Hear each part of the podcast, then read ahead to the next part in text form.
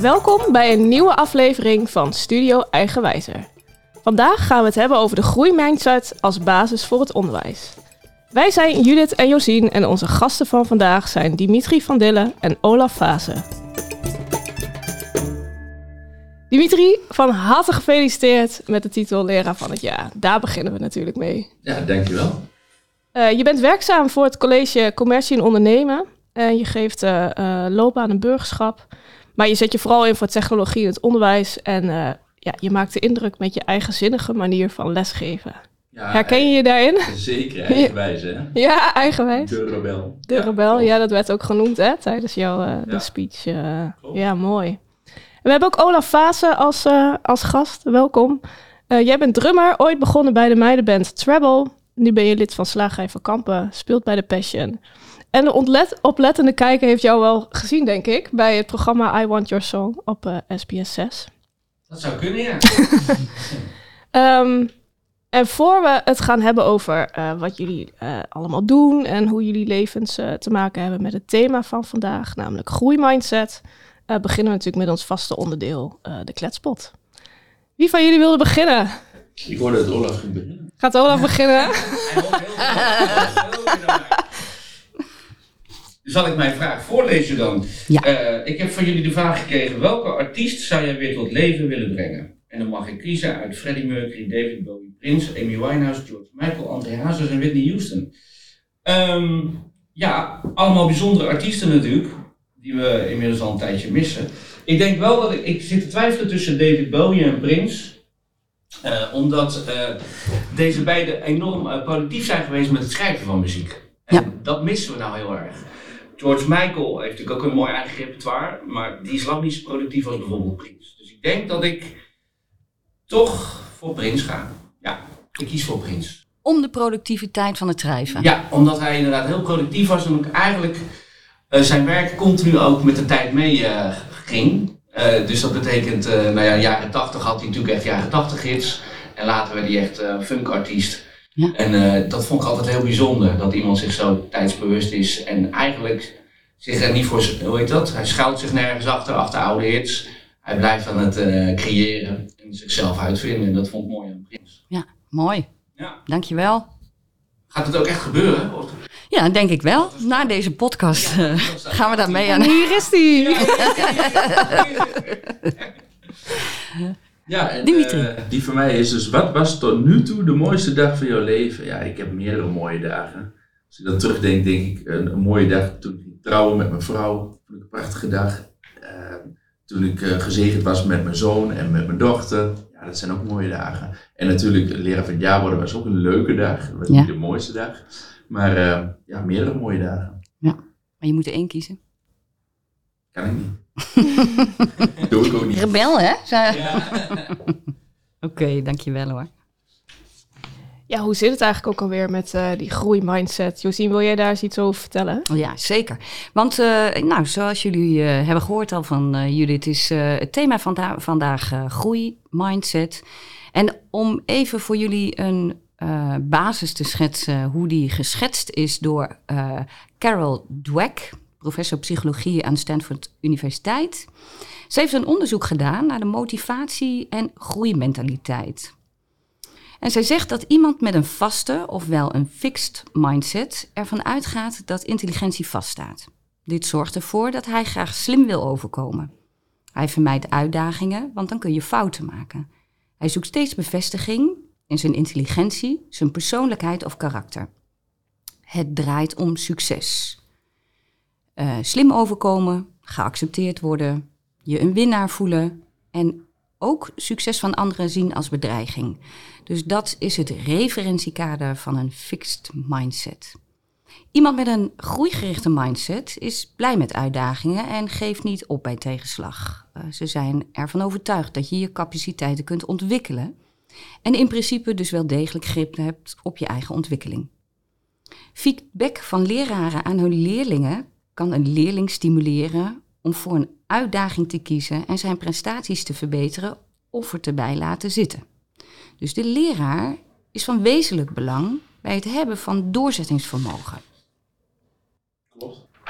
Dimitri, vertel. Nou, dat is zeker. Volgens mij moet jij als, uh, heb jij ook als taak als docent om jouw studenten te motiveren en te stimuleren om, uh, om te leren. En hoe doe je dat? Kun je eens een voorbeeld noemen van, uh, hoef je geen namen te noemen, maar wel een situatie waarin je iets bent tegengekomen dat je dacht, oh, dit is eigenlijk, hier staat iemand op een punt dat hij wat doorzet. Hij heeft wat ondersteuning op de doorzettingsvermogen nodig, want hij is geneigd om te stoppen. Uh, nou ja, een mooi voorbeeld is bij ons de NT2-studenten. NT2-studenten, daar zie je gewoon, die hebben echt heel veel uh, moeite om uiteindelijk uh, de Nederlandse taal eigen te maken. En soms zie je ze ook gewoon daadwerkelijk met hun telefoon nog de vertaal-app gebruiken tijdens ons vak Nederlands.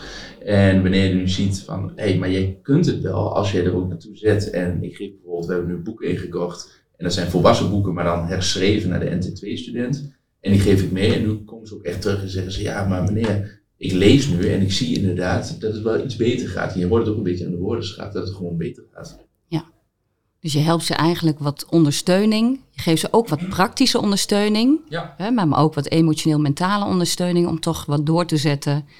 En dan gaan ze wat meer vrijheid ervaren. Ja, volgens mij moet je ook vooral zitten op uh, het stukje het leren zelf. Je moet ze daarbij motiveren. Dat, dat, dat je zegt van ja, je kunt het wel en je moet het gewoon ja, proberen. En ik vind die cijfers vind ik dan niet zo van belang. Maar vooral het stuk het motiveren en weer reflecteren ook. Want ja, ik heb er ook een NT2-student tussen zitten die zegt, ja, lezen meneer, dat ga ik dus echt niet meer doen hoor. Nee, snap ik. Maar misschien zou je deze Nederlandse film eens kunnen gaan kijken op Netflix. Dus dat doen ze dan ook. Ja, ja dat is mooi. Dus jij zoekt met diegene mee waar een stukje motivatie zit. Ja. Om toch iets in die, uh, in die um, richting verder te brengen. Hè? Ja, klopt. Ja, mooi om te horen.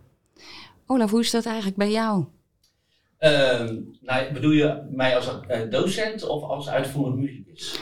Ja, je mag daar zelf wel een keuze in maken. Maar hoe ga jij om met uitdagingen? Um, ja, ik ga ze automatisch eigenlijk altijd denk ik wel aan. Um, in mijn werk, ook op een podium, sta je regelmatig voor uitdagingen. Er zijn altijd wel situaties die je niet vooraf helemaal kan voorzien. Dan zou je toch doorheen moeten. Dus uh, ja, dat gaat eigenlijk vrij automatisch je kunt je tot bepaalde hoogte namelijk thuis altijd voorbereiden, zeker ook als muzikant. Je kunt veel oefenen, en dat doe je dan ook. Je maakt je uren op je instrument. Maar uiteindelijk dan ga je natuurlijk gewoon op pad. En dan komt er zoveel bij kijken, voor logistiek.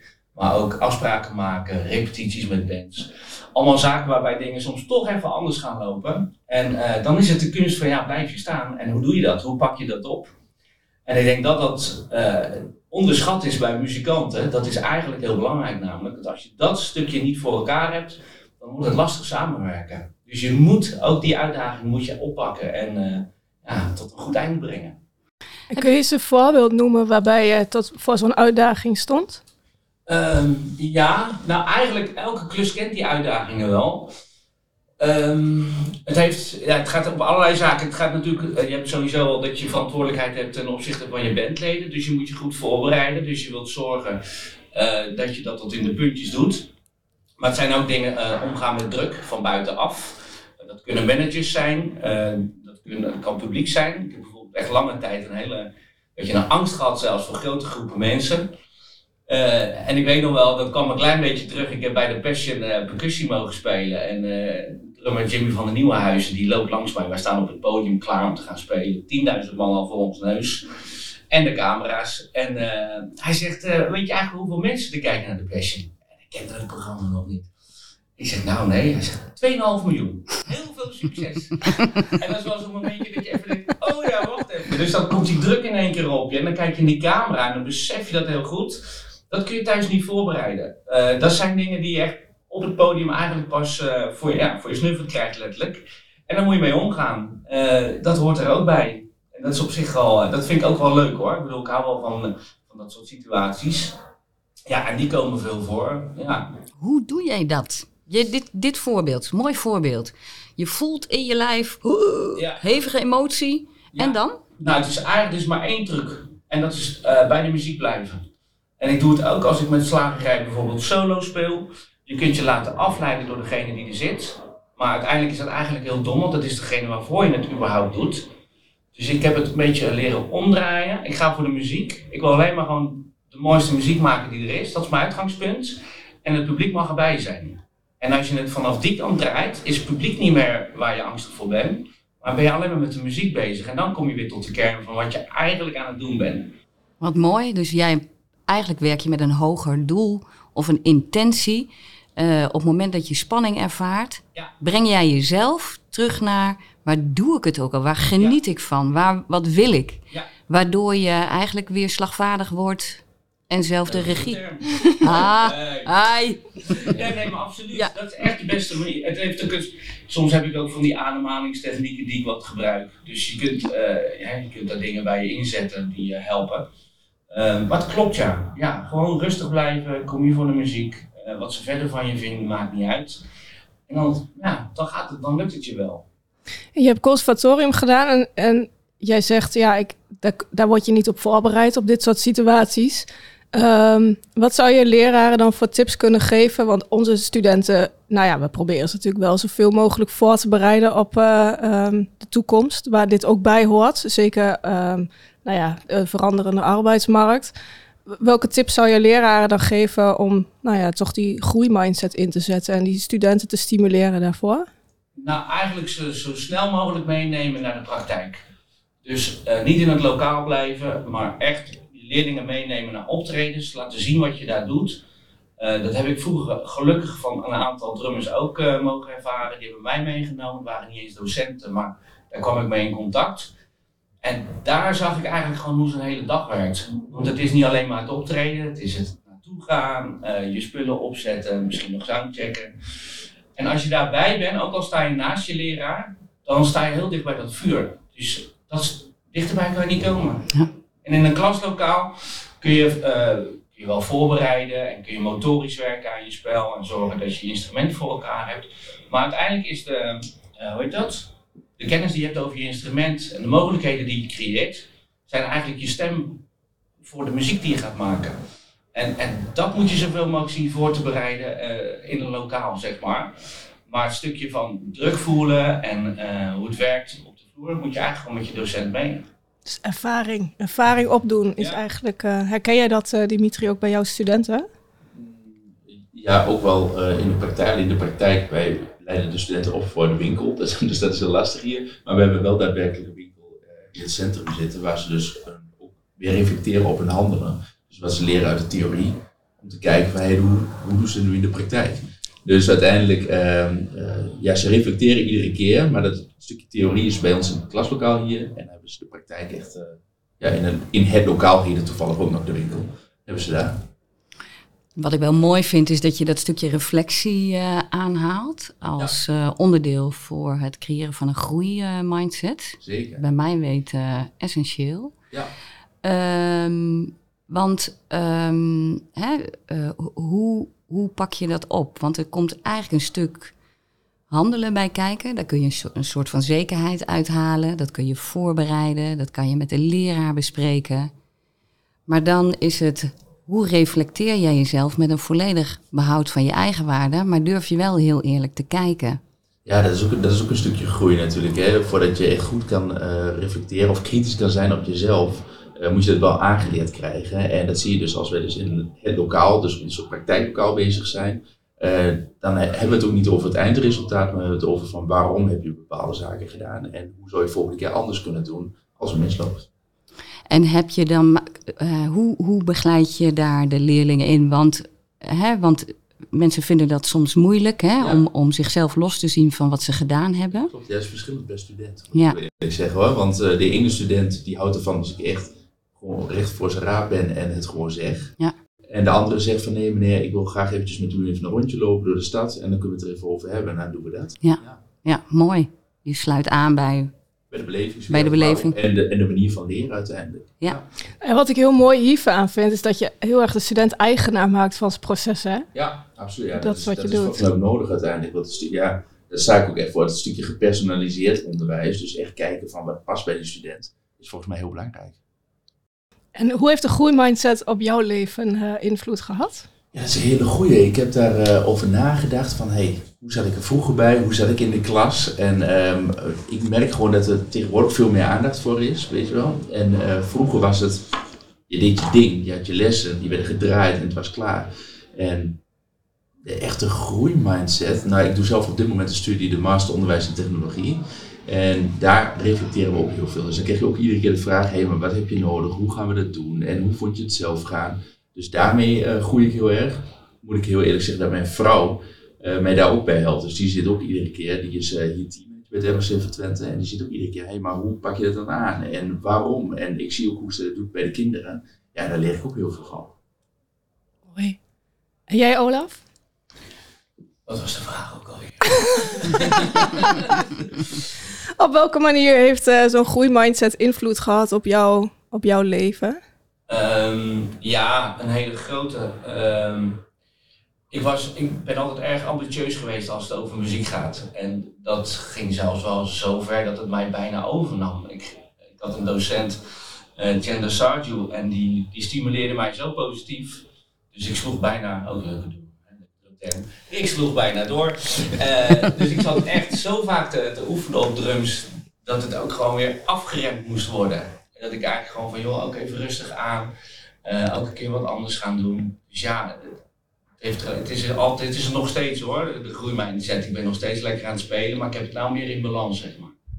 Ik kan het nou een beetje meer overzien. En waar zat die omslag? Weet je dat nog voor jezelf? Uh, als je meer gaat spelen, uh, dan kom je tot rust, want dan weet je dat het eigenlijk goed gaat. Dat is voor mij een beetje een indicatie van oké, ik zit op de goede weg, ik word gebeld, krijg mijn klussen binnen. Dit was eigenlijk waar ik ook naartoe wilde.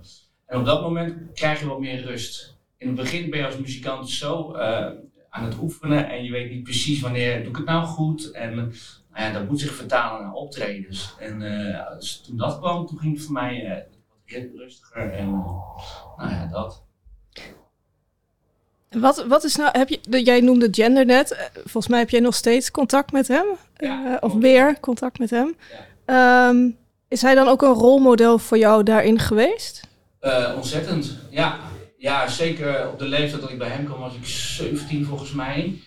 Uh, en ik was enorm op zoek naar, ja, wat, wat is er eigenlijk allemaal? Wat vind ik mooi? Ja, muziek is zo breed, dus je moet ook je, je muzikale smaak gaan ontwikkelen.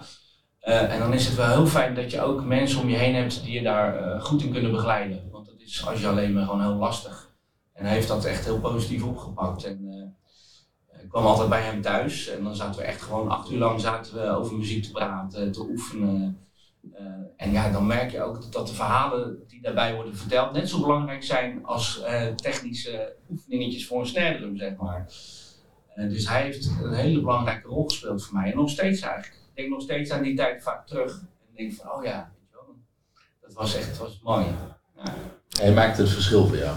Hij maakte enorm, ja. ja. En in die tijd zat ik ook al op het conservatorium en er zaten ook fantastische docenten hoor. Die hebben me ook enorm uh, geholpen. Um, maar hij raakte mij op een, op een bijzondere manier. Dat, dat sprak mij nog net meer aan. Dus ik, ja, ik vat echt alles van wat hij zei. En uh, daar ben ik, ben ik blij om. Ik denk dat het inderdaad voor elke student het mooiste is wat je kan krijgen. Dat je een docent uh, hebt, nou ja, volgens mij heb jij dat ook uh, bij je studenten. Je spreekt ze heel persoonlijk aan en dan neem je ze eigenlijk direct al mee. Dus, dus je moet een impact maken. Ja. Ja, precies. Hoe doe je dat? Hoe, hoe heb je impact? Dimitri, kun jij dat iets over zeggen? Dat is een hele goede. Ja, dan kom ik weer terug bij, de, bij mijn studenten is het gewoon zo, die, uh, de impact die ik maak, dat, dat geven ze zelf ook aan, is omdat ik ze uh, allemaal individueel benader en echt kijk van, ja, hoe leren zij? Dus als ik Nederlands geef en ik heb begrijpen lezen en ik doe een instructie uh, voor op het bord, ja, dat hoeft niet iedereen van mij te volgen. Want ik heb ook een paar studenten ertussen zitten die zeggen van, nou, ik moet echt doen. Ik moet gewoon echt doen. En wat we dan doen, is die stuur ik bijvoorbeeld hier het mooie tuindorp bij ons in met een uh, routebeschrijving. En die lopen een route met opdrachten. En op die manier leren zij dus begrijpen lezen.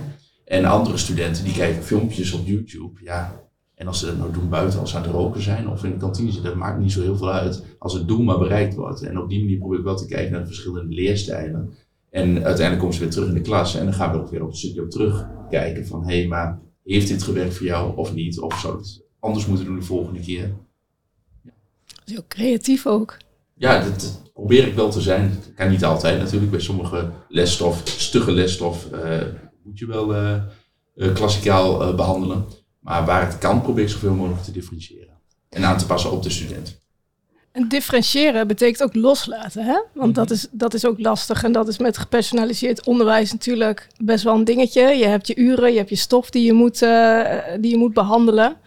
Dus ik vind het wel mooi om te horen dat jij ook echt creatief omgaat met uh, de manier, of de stof die je eigenlijk aanbiedt. Ja, ja, proberen we wel. Ik vind loslaten vind ik, dat vind ik altijd een heel lastig woord. Mijn vrouw zegt ook vaak anders vasthouden. Dat vind ik, oh, vind ja. ik wel mooi. Hè? Ja. Uh, want je laat, zoals je kinderen, je laat je kinderen niet los, je houdt ze anders vast. Of je kijkt naar hun uh, behoeftes op dat moment.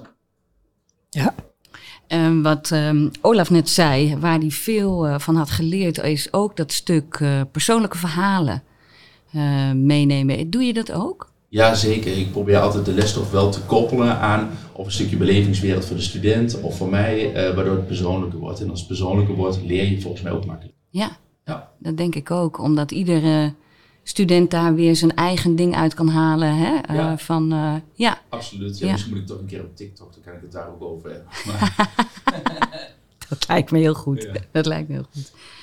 Maar mooi om, uh, om te horen, want eigenlijk wat je dan aangeeft, en, en ik hoor dat bij Olaf ook, van je krijgt jou als mens. Ja. Hè? Je krijgt niet alleen een stukje vakkundigheid in de rol die je hebt, hè, als docent of als muzikant. Maar je krijgt jou als totaal. Ja. En je werkt met alles wat je in je hebt om te kijken van hè, hoe breng ik daarmee de ander verder. Maar wel vanuit jouw eigen basis. Absoluut. Vol, volgens mij moet dat ook. Volgens mij is dat een, een pre uiteindelijk ook als docent zijnde. Want als je alleen de stof uit het boek pakt ja, dat, dat, dat leeft niet voor die belevingswereld voor de student. Nee, dus jij gaat vooral in de belevingswereld. Muziek doet dat natuurlijk ook, hè, uit zichzelf al. Ja, dat klopt. Ja, daar zit natuurlijk al heel veel in inderdaad. Dus ook weer persoons, hè, persoonlijk gebonden. Wat vind je mooi, welke stijl vind je leuk? En uh, daar kun je mee spannen met een docent. Dat, dat moet je ook best wel voorzichtig doen, want zeker bij iemand die muziek maakt, het is zo je passie. Het is bijna ja, wie je bent, zeg maar. Dus om daar aan te komen moet je als docent ook echt zorgen dat die band open is, zodat je daar samen echt aan kan werken. Sta je ook meer open voor kritiek? Kun je iets hebben van de ander? Neem je sneller iets aan? Ja. ja zonder dat daar de relatie, laten we zeggen, ja, fout op wordt of slecht. Ja, precies. Ik vraag me wel af, wat jij zegt, uh, de muziek is wie jij bent. Ja. Welke muziek ben jij? Uh, ik persoonlijk. Uh, ja, ik hou heel erg van een bepaalde stijl binnen de wereldmuziek en fusion muziek. Uh, ja, dat is bijvoorbeeld de Belgische band Akamoon, wat ik heel erg uh, mooi vind. Ik denk niet dat heel veel mensen dat uh, zullen kennen, maar dat is leuk om eens op te zoeken. Um, maar eigenlijk wat ik speel is veel commerciëler. Dus Slagerij van Kamp is veel meer commercieel, dat is de slagwerkgroep. Um, maar ook dingen voor televisie zijn eigenlijk allemaal commerciële klussen. En dat vind ik ook toch wel heel leuk om te doen. Ik vind eigenlijk vooral het spelletje drummen sowieso leuk hoor. Dus bijna dat het. Het is niet dat het niet uitmaakt wat voor muziek het is, maar ik vind het al heel snel dat ik naar mijn zin heb, zeg maar. Ik heb ook musicals gespeeld. En dan krijg je vaak het commentaar om, ja, het is toch elke keer hè, hetzelfde. Waar ligt de uitdaging dan? Dan denk ik van, ja, maar dan stap je over het hele ding heen. Je maakt muziek, dus elke keer dat je muziek maakt, is de uitdaging. Die muziek zo mooi mogelijk neer te zetten. Uh, voor jezelf. Dus ook weer niet, naar, niet vanuit je publiek uitgaande, maar voor jezelf. Gewoon zorgen dat je, dat je daar je ziel en zaligheid in hebt. Wat, als jij zegt van we hebben het over groei, waar zijn eerst jouw muziek, muziekstijl of jouw muzieksmaak anders dan nu? Um, ja, zeker wel. Ja, die is ook veranderd in de tijd. Uh, zeker in, als tiener luister ik bijvoorbeeld meer uh, symfonische rock, vond ik heel tof. En daarvan ben ik dan richting die wereldmuziek gegaan en jazz en fusion. Uh, maar ook pop heeft altijd een hele belangrijke rol gespeeld in mijn leven. Er zijn wel heel veel popartiesten die, ja, waar ik graag naar luister. Dus, ja. Maar ook dat is weer gekomen want, door eigenlijk mensen die ik ontmoet heb, docenten, maar ook collega-muzikanten die je continu wijzen op van heb je dit al gehoord? Is dat niet leuk? Dus daar zit voor mij weer groei in. Ik ben heel erg nu concerten aan het luisteren, dus dan ga ik naar YouTube. En dan ga ik echt heel bewust dingen luisteren die ik nog niet ken, maar waarvan ik weet van nou, dat wordt, wel, uh, dat wordt waarschijnlijk wel heel goed. En dan leer ik daar weer van. Dan, dan moet je dus de goede mindset al hebben, omdat jij dus open staat voor andere dingen en kritisch zelf bent. Ja, klopt ja. ja. Wat ik wel mooi vind ook is. Uh, uh, wat ik bij jou hoor, Olaf, en ik weet niet, uh, Dimitri, hoe dat bij jou zit, maar ook uh, bij Judith. Ehm, ik hoor jou heel bewust op zoek gaan naar inspiratie. Ja, ja, klopt. Dan ga ik echt inderdaad gelijk, ik ga erop uit, zeg maar. Ja. Om nieuwe ideeën op te doen. Om, uh, ik, ik merk ook aan jou dat jij eerst gevoelsmatig een connectie wilt maken. Ja. Uh, um, dus uh, Judith, hoe, hoe, hoe werkt dat voor jou? Want jij voelt je heel erg verbonden met dit thema en ook met dit onderwerp. Hè? daar, daar ontmoeten wij elkaar heel erg ook in. want ik zie jou dat ook heel erg doen. Er zit heel veel creativiteit. Hè? En um, hoe zit dat bij jou? Want je zit ook in het onderwijsvak. Je wil heel graag die groeimindset ook uh, wat verder brengen. Um, zoek, ga jij ook op zoek naar inspiratie? Ja, zeker weten. Um, ik probeer altijd te kijken naar mensen die nou ja, dingen beter kunnen om daar weer van te leren. Feedback is natuurlijk heel erg belangrijk bij een, uh, een groeimindset. Um, dus ik, nou ja, ik ben natuurlijk docent geweest onderwijskundige geworden, onderwijskundig pedagoog. En ja, ik vind het heel fijn, juist om de dingen die ik moeilijk vind, om daar feedback op te krijgen. Om te kijken, nou, wat kun je dan beter doen? Um, en dat deed ik ook altijd bij studenten hoor. Ik uh, um, vind het super belangrijk dat je open staat voor feedback. Dat je leerhouding positief is. Uh, want alleen dan nou ja, kun je beter worden in je vak, in je beroep. Um, kun je je ontwikkelen. Ja. En dat betekent niet dat een, hè, want dat vind ik ook vaak um, bij groeimindset, dat, dat mensen denken, oh, dan moet je altijd naar de universiteit. Hè? Dat, uh, ik ben ook op niveau 2 begonnen, MBO. Um, ik ben dan toevallig, ja, ik heb geen universiteit gedaan, maar wel een aantal HBO-opleidingen. Nou, daar krijg je dan een soort van applaus voor. Terwijl um, je kunt je op heel veel vlakken ontwikkelen. En dat probeer ik, probeerde ik ook, en dat hoor ik bij jou, Dimitri, ook. En je kunt op heel veel vlakken ontwikkelen. Dat hoeft helemaal niet per se op een hoger niveau te zijn. Want het kan echt wel, als mens kun je, je natuurlijk ook heel erg ontwikkelen. Um, maar ja, als je er niet voor open staat, ja, dan, dan, um, dan lukt dat niet. Nee. En waar haal jij jouw inspiratie vandaan?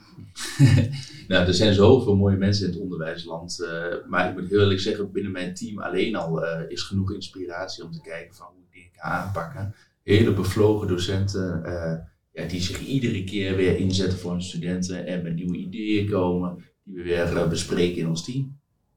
Het is mooi als je, zo'n, uh, als je dat zo met z'n allen kunt doen en elkaar daarin kunt inspireren en uh, nieuwe dingen kunt uitproberen om te Absoluut. kijken wat werkt. Hè? Ja. ja. Ik ben nog even benieuwd naar um, de voorwaarden die nodig zijn om een groeimindset bij studenten te ontwikkelen. Want er zijn natuurlijk wel een aantal voorwaarden die je als docent eigenlijk moet hebben, of als onderwijsmedewerker, die belangrijk zijn, of misschien studenten naar elkaar? Ja, ik denk dat veiligheid is sowieso belangrijk. Veiligheid in de klas en ook de, de relatie die je hebt met jouw uh, studenten is heel belangrijk. En ook een stukje uh, vrijheid vanuit je werkgever om daarmee te kunnen experimenteren en daarmee uh, bezig te kunnen gaan. Want Olaf, jij geeft ook wel veel workshops en um, nou ja, daar staan mensen waarschijnlijk voor het eerst voor een trommel. Heel, erg, uit de, ja, heel erg uit de comfortzone. Ja. um, maar die mensen, ik kan me voorstellen dat die ook dat je mensen op moet met een vaste mindset. Hè? Dat die denken, ja, hallo, uh, dit, gaat, dit gaat me nooit lukken en dit kan ik niet. Hoe ga je daarmee om? hangt er een beetje vanaf hoe ze het brengen. Ik heb het wel extreem meegemaakt van iemand die weigerde op een trommel te gaan slaan. Ja, dat je, ja dan kan ik het ook niet doordrukken, weet je wel. Maar daar staan ze eigenlijk al met 10-0 achter natuurlijk ook voor collega's. Dus over het algemeen um, gaat het, iedereen gaat er wel positief in. Het is natuurlijk ook een groepsding wat je doet. Dus uh, ze kennen elkaar waarschijnlijk allemaal wel als groep. Maar binnen hun bedrijf of uh, wat dan ook waar het voor is. Um, maar ja, eigenlijk, ik pak het voorzichtig aan. Ik, ik speel zelf rustig voor. Opbouw is heel belangrijk. Dus dat ze echt met kleine stapjes vooruit gaan. Dan krijg je iedereen sowieso in de trommelen al mee. En dan is eigenlijk wel het doel ook dat ze gaan genieten. Dus eigenlijk van nou hier, dit heb, ik jullie gegeven. Hier is het ritme. Um, doe maar even je ogen dicht. En dat is misschien in het begin allemaal een beetje oncomfortabel. Maar na een tijdje dan merk je van hé, hey, het is allemaal niet zo heel lastig. En dan krijgen ze allemaal wel mee. Dus dan, dan zitten ze niet vast. En bij studenten die ik gewoon privé drumles geef, ik heb bijvoorbeeld Rijn IJssel Arnhem ook uh, op de podiumkunstenopleiding uh, drumles gegeven. Uh, daar zit ik natuurlijk één op één met een student. En daar probeer ik echt eerst gewoon bij de studenten met een gesprek van joh, wie ben jij precies? Wat zou je graag willen? Ehm, en waar gaan we heen? En dan is er eigenlijk zijn agenda van nou, dit wil ik graag, maar ik heb mijn agenda ook daarin. Hoe krijgen we die samen? Eh, en dan probeer ik op de juiste knoppen te drukken, zodat hij succes, succes gaat boeken in zijn uh, vooruitgang. En zodra dat gebeurt, dan krijg je hem ook mee natuurlijk. Want ja, succes is altijd positief. Maar wat ik je hoor zeggen is kleine stappen. Maar ik hoor je ook eigenlijk zeggen van ja, ik zorg dat die student eigen regie heeft. En dat is natuurlijk binnen onze visie, wordt eigenwijzer, um, nou ja, best wel heel belangrijk. Ook uh, vanuit het gepersonaliseerde onderwijs. We willen eigenlijk dat de, de student leren om eigen regie te tonen um, binnen kaders. Um, dus wat ik jou hoor zeggen is, nou, ik ga eerst zitten in een gesprek van, goh, wat, wat wil jij eigenlijk? Ja. Want hoe oud zijn, waren die studenten? Was ook mbo, zeg je? Dus... Ja, die waren denk ik 17, 18 ook zoiets. Ja. Ja, dus uh, ja, en die weten dan op die leeftijd ook al natuurlijk wat ze tof vinden. En die willen dat ook graag vertellen, want die zijn daar trots op. Dat is, ja, dat is ook wie ze een beetje zijn. Dus uh, ja, daar, daar kun je niet aan voorbij. En dat is ook onwijs leuk. Dat is eigenlijk helemaal prima, want dat is ook de start van hun reis in een muzikaal avontuur. Dus je kunt niet even zeggen van ja, gooi dat maar overboord, we gaan het zo doen. Ik bedoel, ja, de geschiedenis heeft uitgewezen dat dat echt niet gaat werken. Dus je, het is juist heel leuk om daarin te stappen. Uh, en om ze ook mee te krijgen, ook in mijn wereld. Dus ja, dat is een wisselwerking die, uh, die heeft tijd nodig en dat moet je rustig aan opbouwen. Ja, je kunt inderdaad op die manier wel een impact maken uh, ja, voor het leven voor zo iemand. Je kunt het ook helemaal kapot maken, zeg maar. ja, uiteraard. Er is, er is een film, hoe heet die ook alweer? nou ja, die gaat over een drummer die wil dus leren, die wil een drummer worden. En die heeft een docent die dus eigenlijk alles helemaal fout doet. Uh, jammer dat ik de titel nou niet weet, maar dat is een goed voorbeeld van hoe het niet moet. Ja. Ja. Dus het gaat op basis van veiligheid, wat Dimitri zegt, vertrouwen, ja. kleine stapjes, ja. succesjes vieren, Aanpassen aan de student. aanpassen aan de student. En weten dat iedereen ontwikkelbaar is. Ja. En dat willen niet altijd kunnen is. Ja. Maar dat, dat de student vaak wel wil. Ja. Alleen moet je op het juiste knopje drukken. Het juiste knopje weten te vinden. Dat is wat je eigenlijk ook zegt. Daar kom je alleen maar achter als je met studenten in gesprek gaat. Ja, ja je moet dicht bij ze zien te komen, komen staan. Ja. Ja. Dat kun je samen wel bereiken. Ja. Mooi. Ja. Mooi, heren. Hoe jullie dit uh, aanpakken en, uh, en hiermee mensen verder helpen. En daarmee ook jezelf dan weer verder helpt, hè? Absoluut. Um, ik kijk nog heel even naar Judith. Ja, hebben jullie nog één tip voor de docenten die luisteren, of voor de mensen die luisteren? Ja, ja zeker. Luister naar je student. Kort maar krachtig, ja. Ja, ik sluit me daar eigenlijk gelijk bij aan. Ja, het verhaal wat we net eigenlijk ook verteld hebben, al die tips die erin zitten. Um, ik denk dat het voor heel veel docenten sowieso vanzelfsprekend zal zijn, maar dat het soms bij jezelf ook even weer aan de oppervlakte moet komen van, oh ja, er zijn zoveel manieren uh, om je vak mooi uit te oefenen. En ik denk dat je daarin moet blijven bewegen. Zodat je niet in uh, ja, vast komt te zitten, ook voor jezelf. Dan is lesgeven ook veel leuker als je zelf steeds weer nieuwe dingetjes uh, bedenkt. Ja.